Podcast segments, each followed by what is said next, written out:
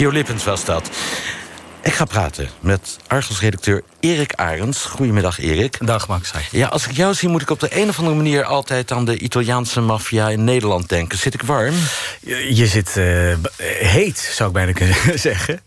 Ja, we hebben, het was heel uh, warm buiten, Zuid-Europese temperaturen. Ik dacht, we gaan het over een Zuid-Europees onderwerp hebben. Hoewel, ze zitten ook in Nederland, de maffia. Ja, en je doet het uh, bij alle seizoenen eigenlijk. Want twee maanden geleden berichtte je ook in Argos over de Italiaanse maffia. Ja. Het ging toen over een overheidsrapport dat al een jaar klaar lag... maar nog steeds niet naar de Tweede Kamer was gestuurd. Je hebt het rapport inmiddels, hè? Ja, ja het is naar de Kamer uh, gestuurd. Dus een analyse van de Italiaanse maffia in Nederland.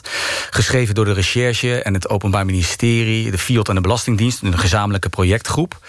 En ik zei toen uh, op basis van een samenvatting die we hadden... dat de studie behoorlijk dun was inhoudelijk. Maar dat moet ik wel een beetje nuanceren. Want ik heb het gelezen en het stuk puilt echt uit... van allerlei voorbeelden van mogelijke maffia-activiteiten.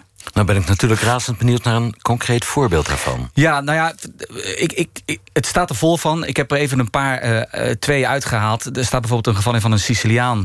die uh, namens een Italiaanse criminele organisatie... contact legde met een Nederlandse drugscrimineel... in verband met de aankoop van, van een partij drugs. Maar die Siciliaan was ook eigenaar van een bedrijf... dat informatiediensten leverde aan de Nederlandse overheid. Wat voor diensten, dat stond er niet bij. Maar wat er wel bij stond, was dat hij in die positie toegang had tot gevoelige informatie... die ook voor wetsovertreders zeer waardevol kan zijn. Nou, dat is een voorbeeld. En een ander voorbeeld is bijvoorbeeld van een Nederlands ingenieursbureau...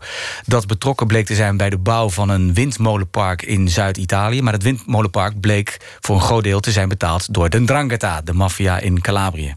Maakt het rapport duidelijk op welke schaal dit soort banden bestaan? Nee, Kijk, en dat, was, dat is eigenlijk toch het probleem van dit rapport. Het staat vol voorbeelden. Het, maar het was de bedoeling om nou ook inzicht te geven in de omvang. Hoe groot, op welke schaal gebeurt dit nou eigenlijk? Daar heb je strafrechtelijk onderzoek voor nodig. Dan kun je te weten komen hoe, wat er allemaal gebeurt en in welke mate. Maar ik heb nu van twee kanten gehoord dat uh, de mensen die dit onderzoek hebben gedaan... wel gevraagd hebben om mensen bij politie, recherche, uh, Belastingdienst... om mensen beschikbaar te stellen voor zo'n onderzoek. Maar dat onderzoek of die, die beschikbaarstelling, die mensen, die kregen ze niet. Maar is dat niet een beetje raar? Aan de ene kant onderzoekers vragen, uh, ga dit eens uitspitten... en aan de andere ja. kant zeggen van...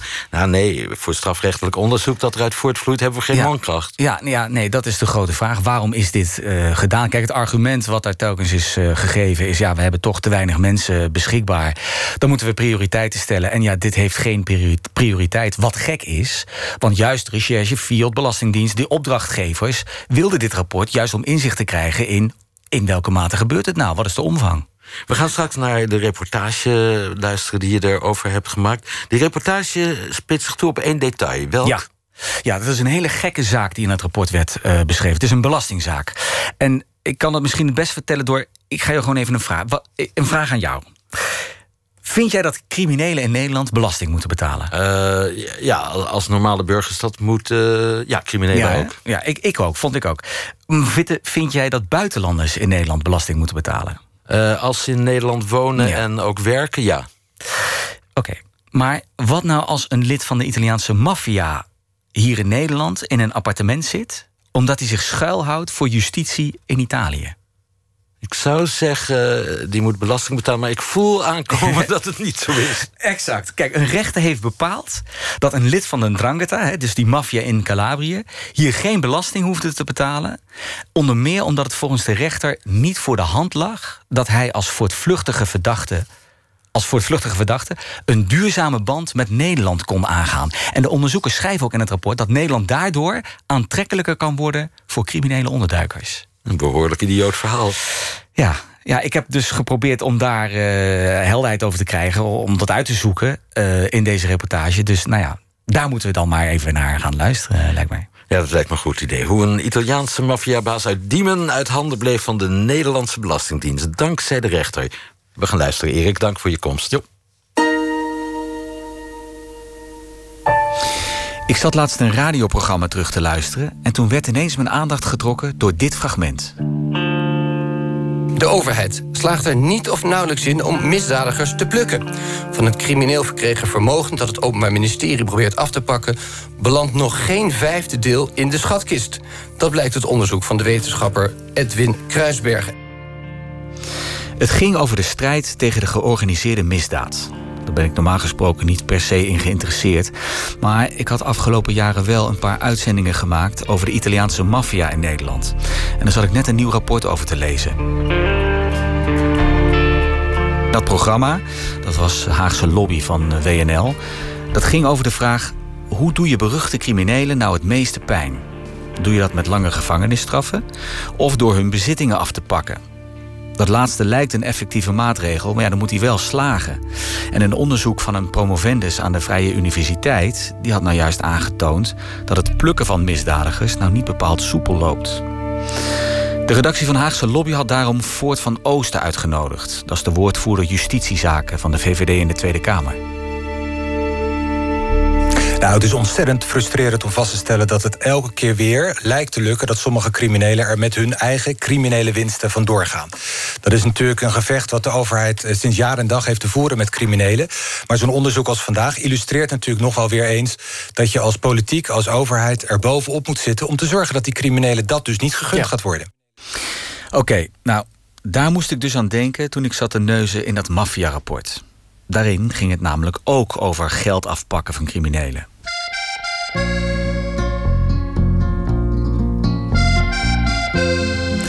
Cerca Trova heet het. Dat betekent zoiets als wie zoekt zal vinden.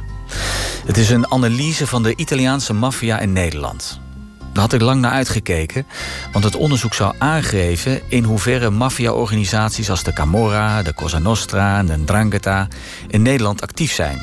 En ook of zij, net als in Italië, zijn geïnfiltreerd in de bovenwereld. Nou, ook uit dit rapport bleek hoe slecht de Nederlandse autoriteiten eigenlijk tegen dit soort praktijken zijn opgewassen. Ruim 100 pagina's stelden het stuk. En het was geschreven door een projectgroep van de Landelijke Recherche, het Openbaar Ministerie, de FIOD en de Belastingdienst. Ik las over tientallen maffialeden die afgelopen jaren in Nederland zijn opgepakt. Over meer dan twintig Italiaanse restaurants waarvan de eigenaar contacten had met de maffia. Of verdacht werd van drugshandel. Of zelfs veroordeeld was wegens lidmaatschap van een maffiaorganisatie. Ik las over grootschalige fraude, oplichting, over infiltratie in de bloemenhandel. En ook over vriendjes van de maffia die op cruciale posities werkten op Schiphol en bij de politie. Kortom, er was hier wel iets aan de hand. Tegelijkertijd bleek dat de meeste van deze voorbeelden niet aan het licht waren gekomen na onderzoek door de Nederlandse politie, maar door de Italiaanse. De Nederlandse politie doet zelf niet of nauwelijks onderzoek naar de maffia. En als op verzoek van Italië dan toch zo'n maffialid wordt aangehouden, dan levert Nederland hem vaak uit zonder te onderzoeken wat zo'n type hier precies allemaal heeft uitgespookt. Maar goed, wat ik eigenlijk wil vertellen is dat er een voorbeeld in het rapport stond waaruit blijkt dat de Nederlandse overheid toch heeft geprobeerd om zo'n mafioze misdadiger aan te pakken. Alleen dat ging helemaal mis.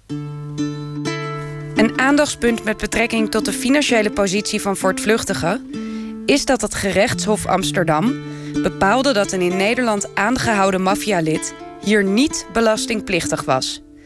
Het gerechtshof oordeelde dat de inspecteur de opgelegde belastingaanslagen moest vernietigen. De Nederlandse fiscus had een forse belastingaanslag opgelegd aan een opgepakte voortvluchtige van de Ndrangheta. Dat is die beruchte maffia-organisatie uit Calabrië in Zuid-Italië. Maar de rechtbank en later ook het gerechtshof in Amsterdam hadden daar een stokje voor gestoken. En toen ik in het rapport las waarom dat was gebeurd, viel ik haast om van verbazing.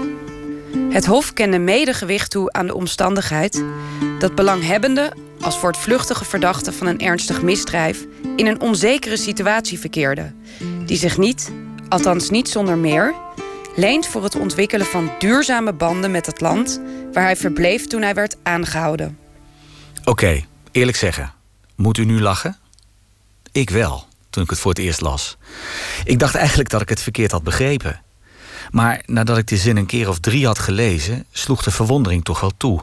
Want zoals het in dit onderzoeksrapport staat, zeggen de raadsheren van het Hof eigenlijk: Sorry, Belastingdienst. Je hebt niet bewezen dat deze maffia-crimineel in Nederland belastingplichtig is. Want dan moet je eerst aantonen dat hij hier echt woont. En dat doe je door te bewijzen dat hij een duurzame band met Nederland heeft. Maar ja, Deze man was op de vlucht voor de politie, want hij werd verdacht van een zware misdaad. En zo'n situatie leent zich niet voor het ontwikkelen van zo'n duurzame band. Dus jammer dan.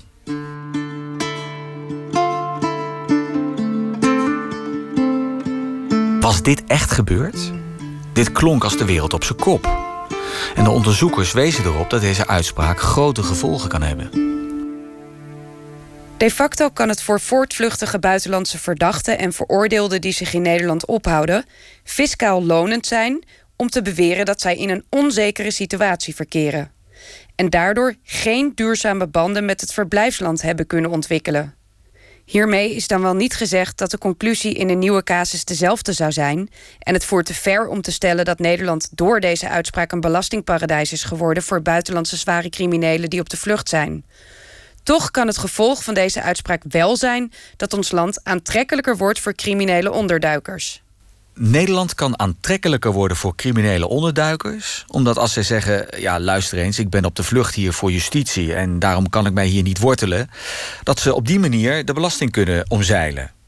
Let op, hè, dit zeggen dus de mensen van Recherche, Openbaar Ministerie, FIOT, de Belastingdienst, de schrijvers van het rapport dus. Ik vroeg me af wat Tweede Kamerleden hiervan vinden.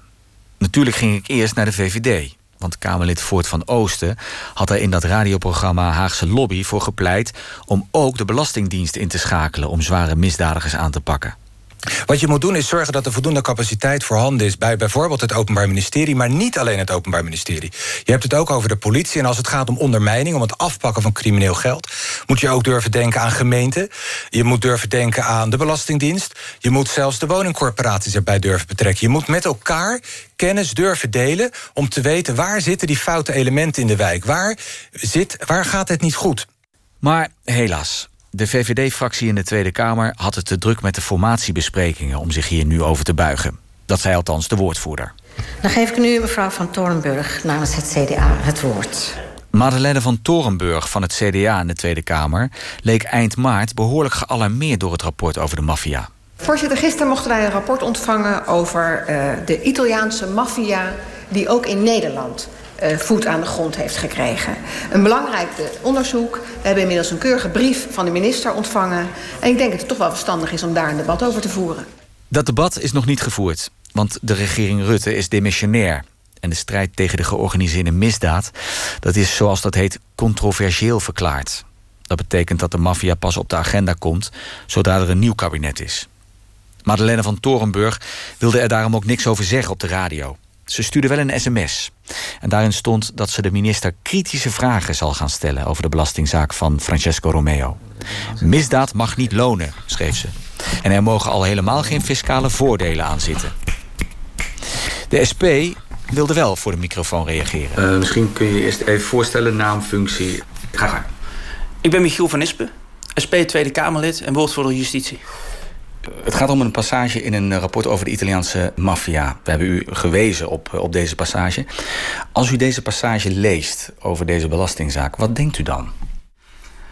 Dan vraag ik mij af hoe het kan dat wij regels hebben waaruit blijkt dat uh, voortvluchtige criminelen niet snel belastingplichtig zijn in Nederland.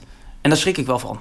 Want als ik lees wat hier staat, dan wordt er dus gewicht toegekend aan de omstandigheid dat die belanghebbende, de voortvluchtige verdachte van een ernstig misdrijf, in een onzekere situatie zit. Dat betekent dus dat hij geen mogelijkheden heeft om te werken of een uitkering aan te vragen, geen inkomsten kan genereren en om die reden dus niet belastingplichtig is. En dat is heel gek, want hij kiest er zelf voor om in een voortvluchtige toestand te zitten. Hij kan zich ook gewoon melden. En dan zit je niet meer in die onzekere situatie. Dus dit kan er natuurlijk nooit toe leiden dat je niet belastingplichtig bent.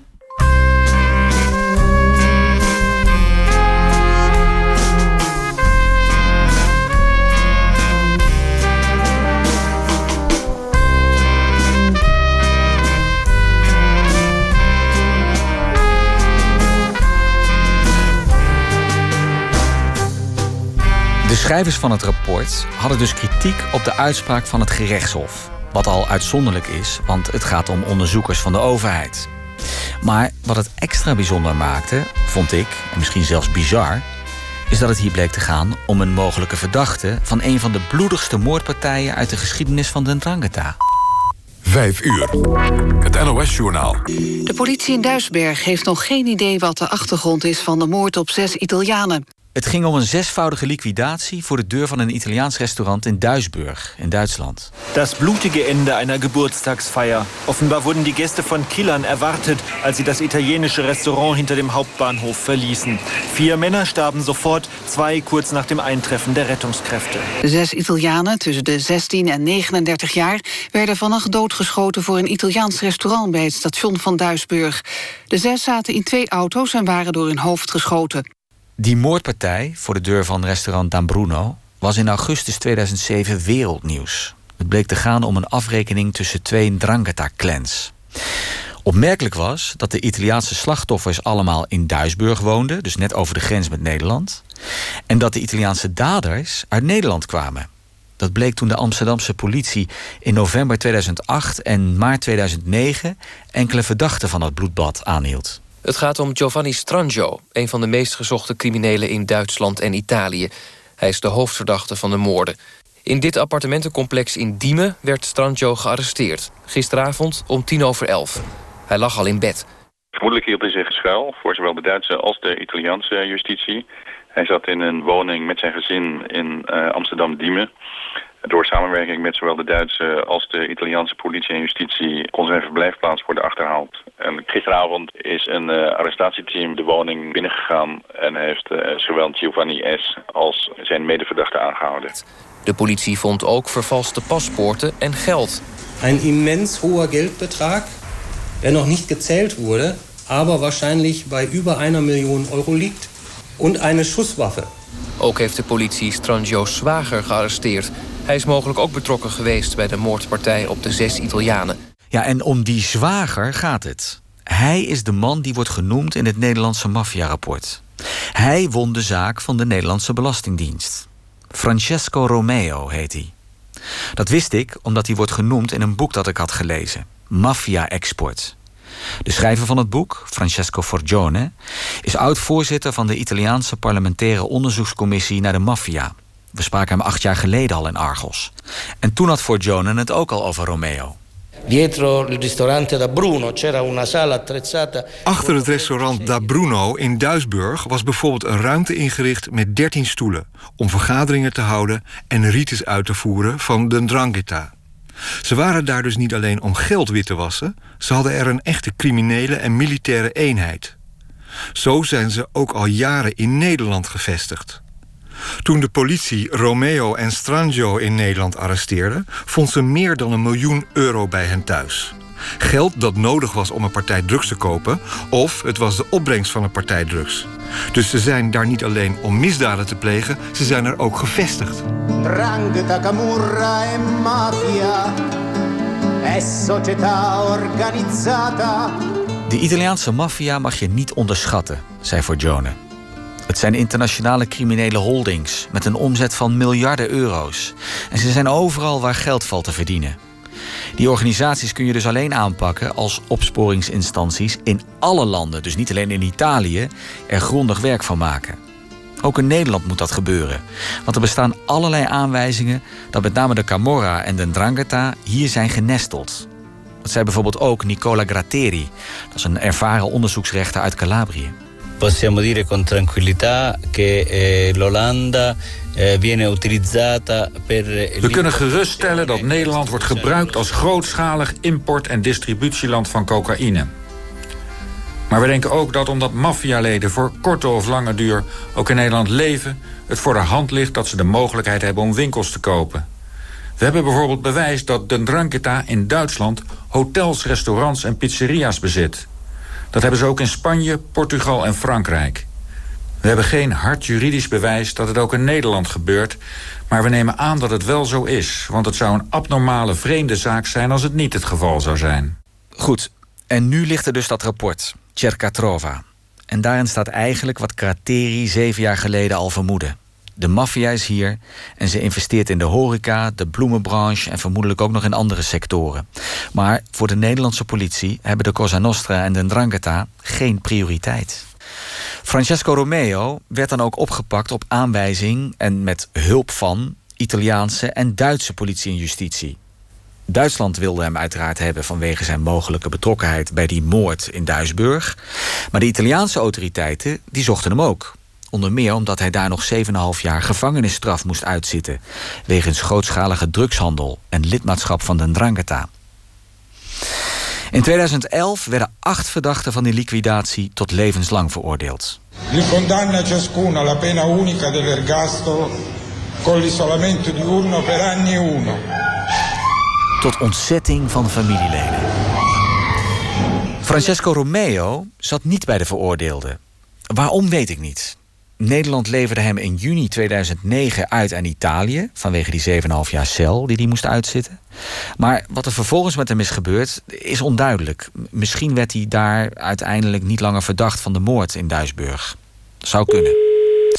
In elk geval had de Nederlandse fiscus dus geprobeerd om Romeo aan te pakken. Waarom ging het dan fout? Hi, goedemorgen. Ik belde de Belastingdienst voor een toelichting. Ja, dat gaan we niet doen. Waarom niet? Um, ja, het is voor ons ondoenlijk, en zeker voor een inspecteur, om uh, in de media uh, toe te lichten over wat, er, uh, wat de afwegingen zijn in, in een dergelijke zaak. Wij hebben ons nu gewoon neer te leggen bij wat de rechter heeft besloten en ja. daar willen we het dan ook bij laten.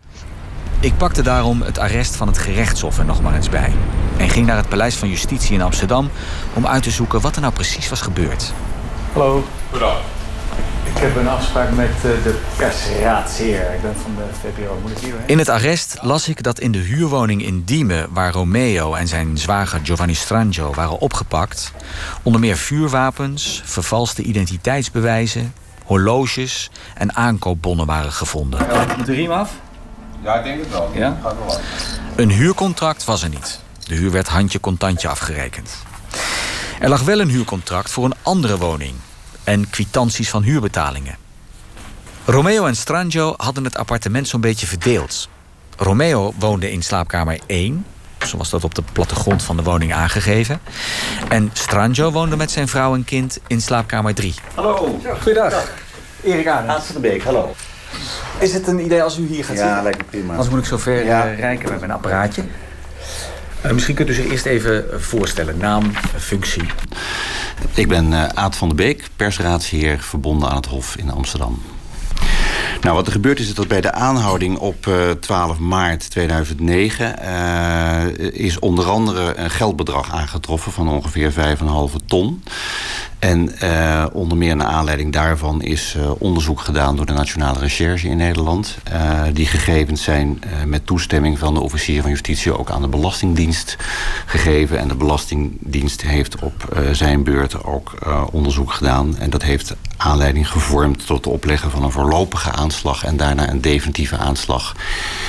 inkomstenbelasting en premie volksverzekeringen aan wanneer ging om grote bedragen, geloof ik. Ja, de, uh, op basis van de gegevens uh, die de inspecteur heeft vastgesteld... heeft hij uh, over drie jaar een belastbaar inkomen vastgesteld. En dan moet u denken aan bedragen van afgerond 690.000, 630.000 en 573.000 euro... over de jaren 2007, 8 en 9. De inspecteur van de belasting baseerde zijn aanslagen dus op informatie uit het strafrechtelijk onderzoek van de Nederlandse recherche. En op de veronderstelling dat Romeo zijn geld verdiende met drugshandel. Het maakt voor de fiscus namelijk niet uit of je een brave bakker bent of een geraffineerde crimineel. Inkomen is inkomen en daarover moet belasting worden betaald. Uit het strafrechtelijk onderzoek is naar voren gekomen dat Romeo betrokken is bij de handel in cocaïne. Het is een feit van algemene bekendheid dat met de handel in cocaïne grote contante geldbedragen gemoeid zijn en hoge winsten behaald worden. De inkomsten zullen als winst uit onderneming, dan wel resultaat uit overige werkzaamheden, bij uw belastbaar inkomen uit werk en woning worden bijgeteld. In totaal legde de fiscus aanslagen op over een inkomen van bijna 2 miljoen euro en bijna 60.000 euro aan spaargeld en beleggingen. Romeo kreeg ook nog een miljoen boete, omdat hij geen aangifte had gedaan. Maar zowel de rechtbank als het gerechtshof stelden de fiscus in het ongelijk. En daardoor kon de Belastingdienst niet innen, maar moesten die zware crimineel betalen. Ruim 2000 euro aan advocatenkosten. Hoe kon dit gebeuren? De belastinginspecteur had toch van alles op tafel gelegd om te bewijzen dat Romeo al een paar jaar in Nederland verbleef en hier dus belastingplichtig was? De inspecteur baseert dit op stukken die in de woning in Diemen zijn aangetroffen. Zoals de inhoud van een plastic tas met bonnen van aankopen, een huurcontract voor de huur van een appartement vanaf december 2005 en kwitanties voor de afdracht van huur voor dat appartement. De belastinginspecteur vond het aannemelijk dat Romeo deze woning in gebruik had. Zoals hij het ook aannemelijk vond dat Romeo de beschikking had over een garagebox en nog twee andere woningen in Nederland. En dan waren er nog de buitenlandse rechtshulpverzoeken, die er volgens de inspecteur van uitgingen dat Romeo in Nederland verbleef. Was dit dan allemaal onvoldoende bewijs? Ja, de aanwezigheid van meneer op een ander woonadres dan het adres waar hij uh, in maart 2009 is aangehouden, is eigenlijk niet komen vast te staan. Uh, het huurcontract van een ander pand stond op naam van een uh, andere Italiaan. En ook de overige door de inspecteur vermelde panden. Daarbij is enige betrokkenheid van meneer bij de totstandkoming van de huur van die panden niet voldoende komen vast te staan, zegt het Hof. Ja, maar daarvan zou ik zeggen als buitenstaander... ja, maar uh, natuurlijk niet. Want dit ging hier om een uh, voortvluchtige crimineel. Die gaat niet uh, een huurcontract op, op eigen naam tekenen. Nee, maar toch moet de inspecteur aannemelijk maken... dat iemand zijn woonplaats heeft. En het punt dat meneer voortvluchtig was... is ook in aanmerking genomen dat om die reden... het zeer onwaarschijnlijk is dat iemand een duurzaam verblijf... op een bepaalde plaats... dat hij zich daar zal vestigen. Kijk, en daar noemde de persraadsheer het heikele punt. De redenering dat omdat Romeo op de vlucht was voor politie en justitie, het onwaarschijnlijk is dat hij zich duurzaam in Nederland had gevestigd. Dat is precies het punt waarop de onderzoekers openlijk kritiek uiten in hun maffiarapport. Ik vroeg Aad van der Beek hoe dat zat. Kijk, het is altijd goed om even het uitgangspunt uh, terug te halen. Dat is, wil je in Nederland belastingplichtige zijn... dan moet de inspecteur aannemelijk maken dat je hier woont. En inderdaad, uh, uh, niet is, valt te verwachten dat iemand daar zelf heel veel mededelingen over zal doen. Maar dat neemt niet weg dat, hij, dat de inspecteur wel aannemelijk moet maken dat iemand in Nederland woont. En het Hof heeft vastgesteld dat als je alle feiten en omstandigheden bij elkaar veegt en tegen elkaar afweegt, dat de inspecteur dat onvoldoende aannemelijk heeft gemaakt. Maar het Hof kent dus mede gewicht toe aan het feit dat deze meneer uh, gezocht wegens een zesvoudige moord. Uh, gezocht wegens gevangenisstraf die hij nog moest uitzitten in uh, Italië wegens drugshandel. dat deze meneer om die reden niet in de omstandigheid verkeerde om een duurzame band met Nederland aan te knopen. Deze regels lijken en zijn ongetwijfeld goed toegepast en, en heel redelijk. Alleen toch klinkt het eigenlijk bizar. Kunt u zich dat voorstellen? Nou, dat kan ik me eigenlijk niet goed voorstellen, omdat nog steeds uh, geldt, en dat geldt voor iedereen die in Nederland belastingplichtig is, is dat de inspecteur uh, aannemelijk moet maken dat iemand in Nederland zijn woonplaats heeft. Dat geldt voor iedereen. En dat geldt dus ook voor mensen die verdacht worden van uh, strafbare feiten in het buitenland.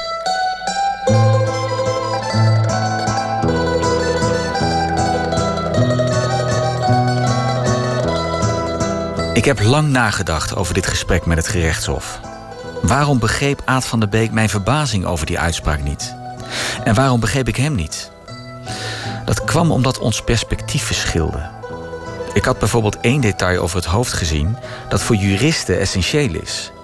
Namelijk dat het in belastingzaken helemaal niet gaat om de vraag of de betrokkenen een beruchte mafioso is. Dat is immers een zaak van de strafrechter. Maar daarin lag wel de reden van mijn verbazing verscholen. Mijn morele oordeel over Francesco Romeo zat me gewoon in de weg. Het feit dat Romeo was veroordeeld voor drugshandel en mogelijk verdacht werd van moord en, en, en eigenlijk achter de tralies hoorde te zitten, dat interesseert de belastingrechter geen fluit. Voor hem luidt de belangrijkste vraag: is Romeo belastingplichtig? Woont hij hier? Is er een huurcontract op zijn naam? Zo niet, ja, dan is de vraag of in elk geval aannemelijk kan worden gemaakt dat hij een duurzame band met Nederland heeft. En ja, dan gaat Romeo's toestand als voortvluchtige dus een rol spelen. Want ligt het voor de hand dat een crimineel die op de vlucht is een duurzame band met zijn onderduikland aangaat? Moi, niet meteen. Dus als de inspecteur niet met keiharde bewijzen komt, dan kan een crimineel bij de belastingrechter voordeel hebben van zijn status als onderduiker. Michiel van Nispen van de SP zei er dit over. Kijk, dat het Hof uiteindelijk tot dit oordeel komt, uh, dat heb ik als, uh, als politicus te respecteren. En uh, het is ook niet aan mij om de bewijslast te wegen. Waar het mij als Tweede Kamerlid om gaat, ik heb de taak om de regering te controleren. En dan constateer ik dat er een overweging in het vonnis kan voortkomen waarin staat dat een crimineel die op de vlucht is... dat hij om die reden geen banden kan ontwikkelen met dat land... oftewel daar geen mogelijkheden heeft om te werken... en dus geen belasting hoeft te betalen. En dan schrik ik. Want dat kan natuurlijk nooit de bedoeling zijn. We moeten geen vrijhaven willen worden voor voortvluchtige criminelen. Die maas in de wet, die moeten we zo snel mogelijk zien te dichten. En hoe doe je dat? Nou, ik ga daar in ieder geval vragen over stellen aan de regering. Want we, we constateren dit nu. De belastingwetgeving zit ingewikkeld in elkaar. Maar ik denk dat um, uh, we in ieder geval moeten voorkomen... dat een voortvluchtige crimineel in geen enkel land belasting betaalt... omdat hij nou eenmaal op de vlucht is. Dat is een toestand waar hij zelf voor gekozen heeft. Ook de schrijvers van het Maffia-rapport wijzen erop dat Romeo niets in de weg stond om zichzelf te melden bij de politie en zijn onzekere situatie als voortvluchtige op te heffen. De onderzoekers gingen zelfs nog een stap verder. Ik vond namelijk een interne mail van de belastinginspecteur die bij deze zaak betrokken was. En hij schrijft daarin dit. Mijns inziens legt het Hof hier een volstrekt onjuiste maatstaf aan voor de beoordeling van het fiscale inwonerschap. De redenering van het Hof volgend kun je de vergelijking maken met bijvoorbeeld buitenlandse oorlogsmisdadigers die naar Nederland zijn gevlucht. Dat zou in deze redeneertrand betekenen dat die oorlogsmisdadigers evenmin in de Nederlandse belastingheffing betrokken zouden kunnen worden. In diezelfde onzekere situatie verkeren ook veel politieke en of economische vluchtelingen. En hier te landen werkzame illegalen lopen eveneens het risico ieder moment opgepakt en het land uitgezet te worden. Maar dat is onvoldoende grond om te concluderen tot afwezigheid van binnenlandse of buitenlandse belastingplicht. De inspecteur wees dus op de kans dat grote groepen misdadigers straks dit arrest kunnen uitbuiten. Hij wilde de zaak het liefst voor de Hoge Raad brengen om alsnog zijn gelijk te halen, hoorde ik van een bron. Maar dat is niet gebeurd. Toch was ik wel benieuwd wat persraadsheer Van de Beek ervan vond. Wordt Nederland door dit arrest nu inderdaad extra aantrekkelijk voor voortvluchtige criminelen? Nou, dat denk ik eerlijk gezegd niet. De vraag of iemand uh, woonplaats heeft uh, in Nederland uh, is een hele feitelijke vraag. Die dient naar, naar de, aan de hand van alle feiten en omstandigheden die bekend zijn te worden beantwoord. en in dit geval heeft de inspecteur dat niet aannemelijk gemaakt. Maar het is heel goed denkbaar dat in een ander geval de inspecteur op basis van de feitelijke gegevens die er zijn dat wel aannemelijk maakt. Michiel van Nispen van de SP.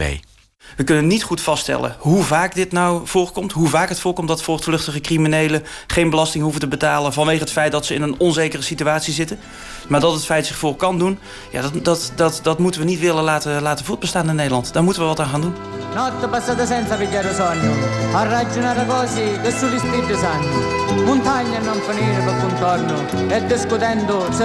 Notte.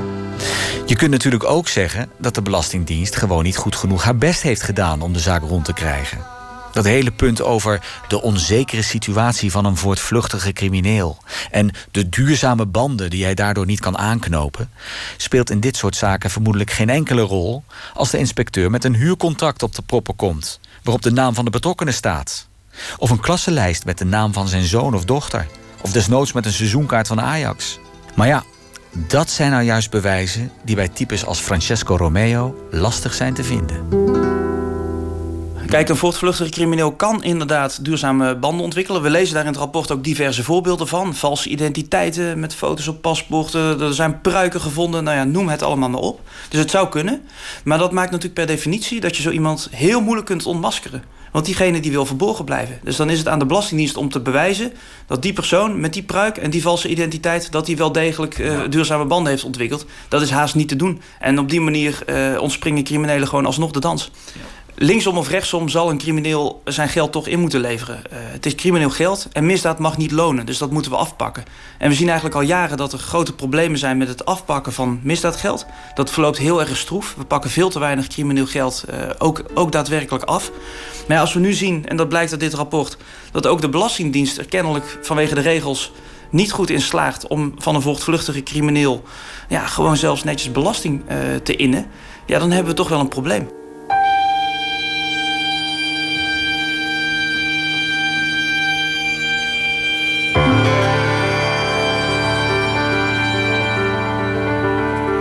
Italia in Nederland. U hoorde een reportage van Erik Arends, eindredactie Kees van der Bos, techniek Alfred Koster.